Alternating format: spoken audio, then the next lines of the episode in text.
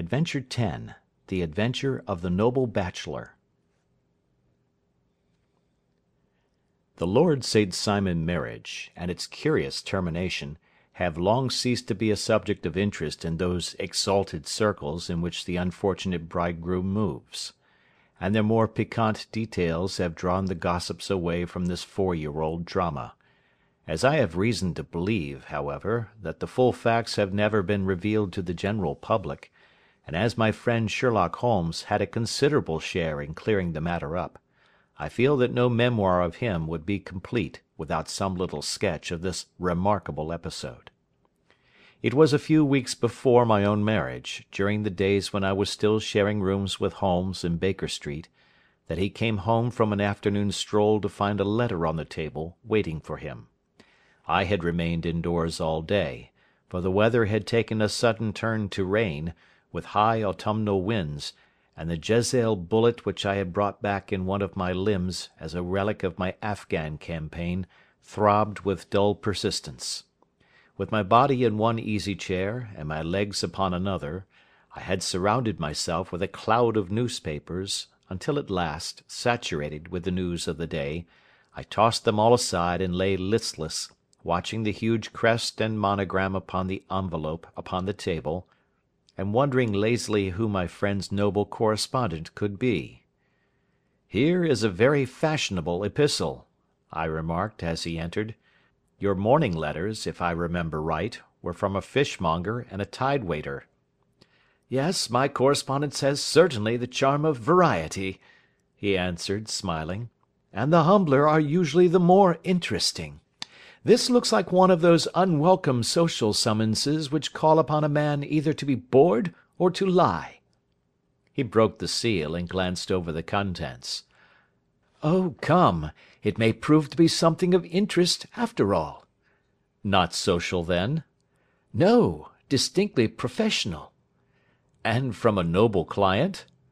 "One of the highest in England." "My dear fellow, I congratulate you. I assure you, Watson, without affectation, that the status of my client is a matter of less moment to me than the interest of his case. It is just possible, however, that that also may not be wanting in this new investigation. You have been reading the papers diligently of late, have you not?" "It looks like it," said I, ruefully, pointing to a huge bundle in the corner. "I have had nothing else to do. It is fortunate, for you will perhaps be able to post me up. I read nothing except the criminal news and the agony column. The latter is always instructive. But if you have followed recent events so closely you must have read about Lord St. Simon and his wedding?" "Oh, yes, with the deepest interest." "That is well. The letter which I hold in my hand is from Lord St. Simon. I will read it to you, and in return you must turn over these papers and let me have whatever bears upon the matter. This is what he says: "My dear Mr. Sherlock Holmes, Lord Backwater tells me that I may place implicit reliance upon your judgment and discretion. I have determined, therefore, to call upon you and to consult you in reference to the very painful event which has occurred in connection with my wedding. Mr. Lestrade, of Scotland Yard, is acting already in the matter, but he assures me that he sees no objection to your co operation, and that he even thinks that it might be of some assistance. I will call at four o'clock in the afternoon, and should you have any other engagement at that time, I hope that you will postpone it, as this matter is of paramount importance. Yours faithfully, St. Simon.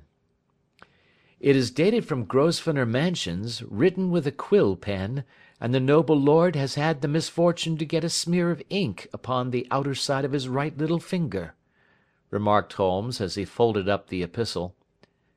"He says four o'clock. It is three now. He will be here in an hour." "Then I have just time, with your assistance, to get clear upon the subject. Turn over those papers and arrange the extracts in their order of time while I take a glance as to who our client is." He picked a red covered volume from a line of books of reference beside the mantelpiece.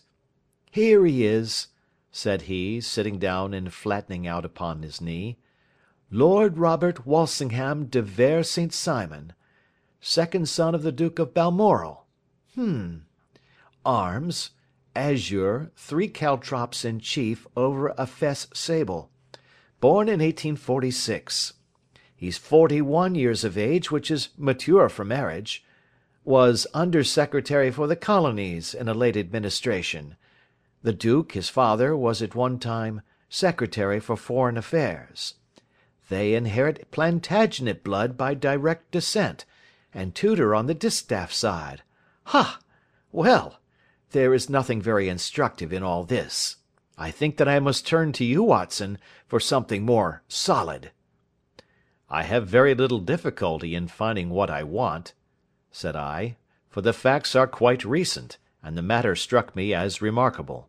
I feared to refer them to you, however, as I knew that you had an inquiry on hand, and that you disliked the intrusion of other matters.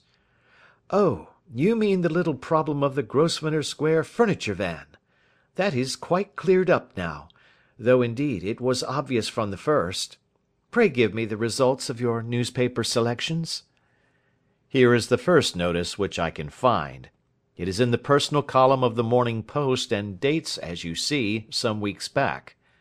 A marriage has been arranged, it says, and will, if rumour is correct, very shortly take place, between Lord Robert St. Simon, second son of the Duke of Balmoral, and Miss Hattie Doran, the only daughter of Aloysius Doran, Esquire, of San Francisco, California, U.S.A.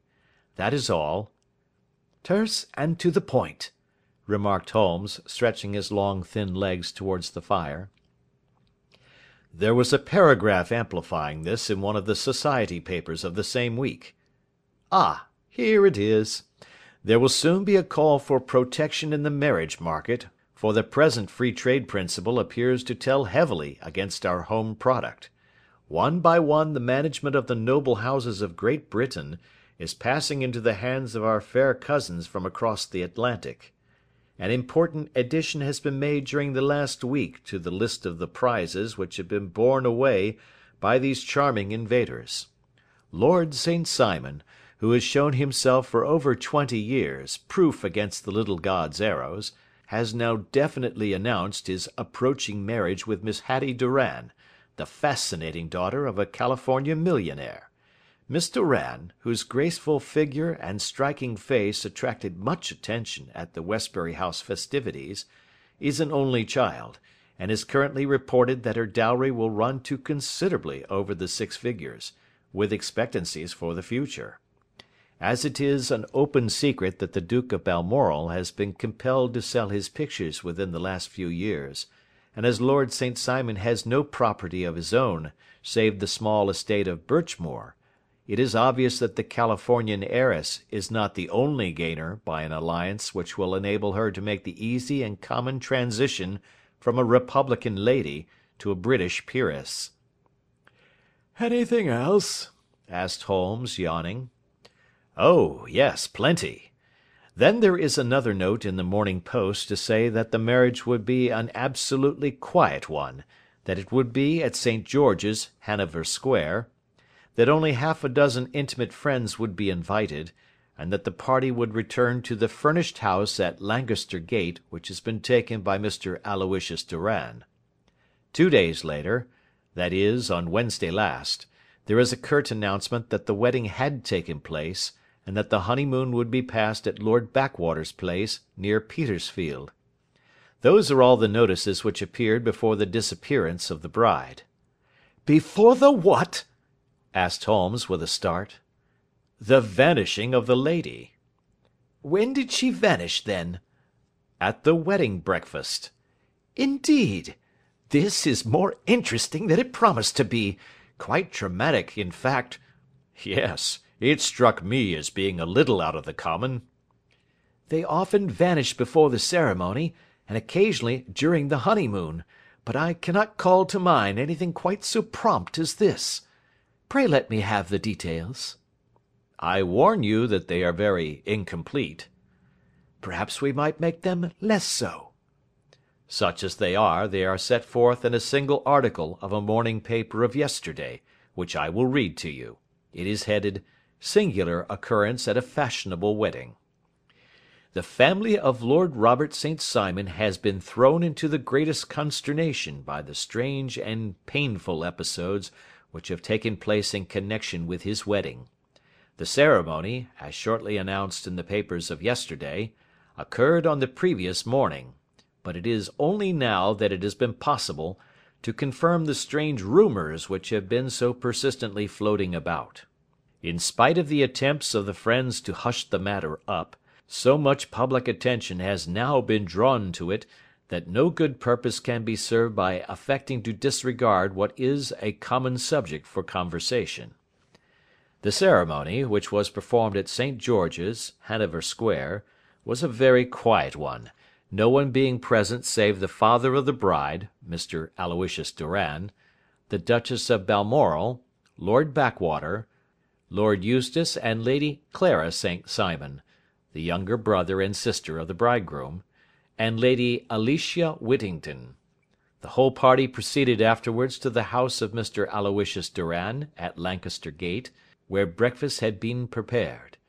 It appears that some little trouble was caused by a woman, whose name has not been ascertained, who endeavoured to force her way into the house after the bridal party, alleging that she had some claim upon Lord St. Simon. It was only after a painful and prolonged scene that she was ejected by the butler and the footman. The bride, who had fortunately entered the house before this unpleasant interruption, had sat down to breakfast with the rest, when she complained of a sudden indisposition, and retired to her room. Her prolonged absence having caused some comment, her father followed her, but learned from her maid that she had only come up to her chamber for an instant, caught up an ulster and bonnet, and hurried down to the passage. One of the footmen declared that he had seen a lady leave the house thus apparelled, but had refused to credit that it was his mistress, believing her to be with the company. On ascertaining that his daughter had disappeared, Mr. Aloysius Doran, in conjunction with the bridegroom, instantly put themselves in communication with the police, and very energetic inquiries are being made, which will probably result in a speedy clearing up of this very singular business. Up to a late hour last night, however, nothing had transpired as to the whereabouts of the missing lady. There are rumours of foul play in the matter, and it is said that the police have caused the arrest of the woman who had caused the original disturbance, in the belief that, from jealousy or some other motive, she may have been concerned in the strange disappearance of the bride. And is that all? Only one little item in another of the morning papers, but it is a suggestive one. And it is? That Miss Flora Millar, the lady who had caused the disturbance, has actually been arrested. It appears that she was formerly a danseuse at the Allegro, and that she has known the bridegroom for some years. There are no further particulars, and the whole case is in your hands now, so far as it has been set forth in the public press. And an exceedingly interesting case it appears to be. I would not have missed it for worlds.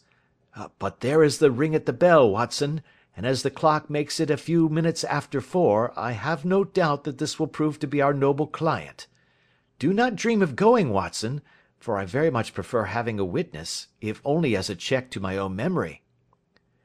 Lord Robert St. Simon, announced our page boy, throwing open the door.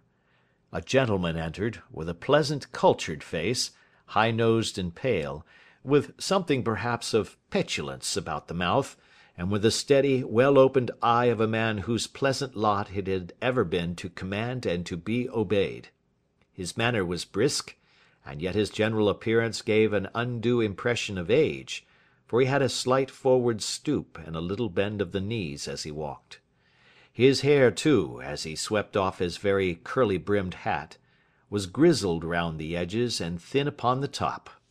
As to his dress, it was careful to the verge of foppishness, with high collar, black frock coat, white waistcoat, yellow gloves, patent leather shoes, and light-coloured gaiters.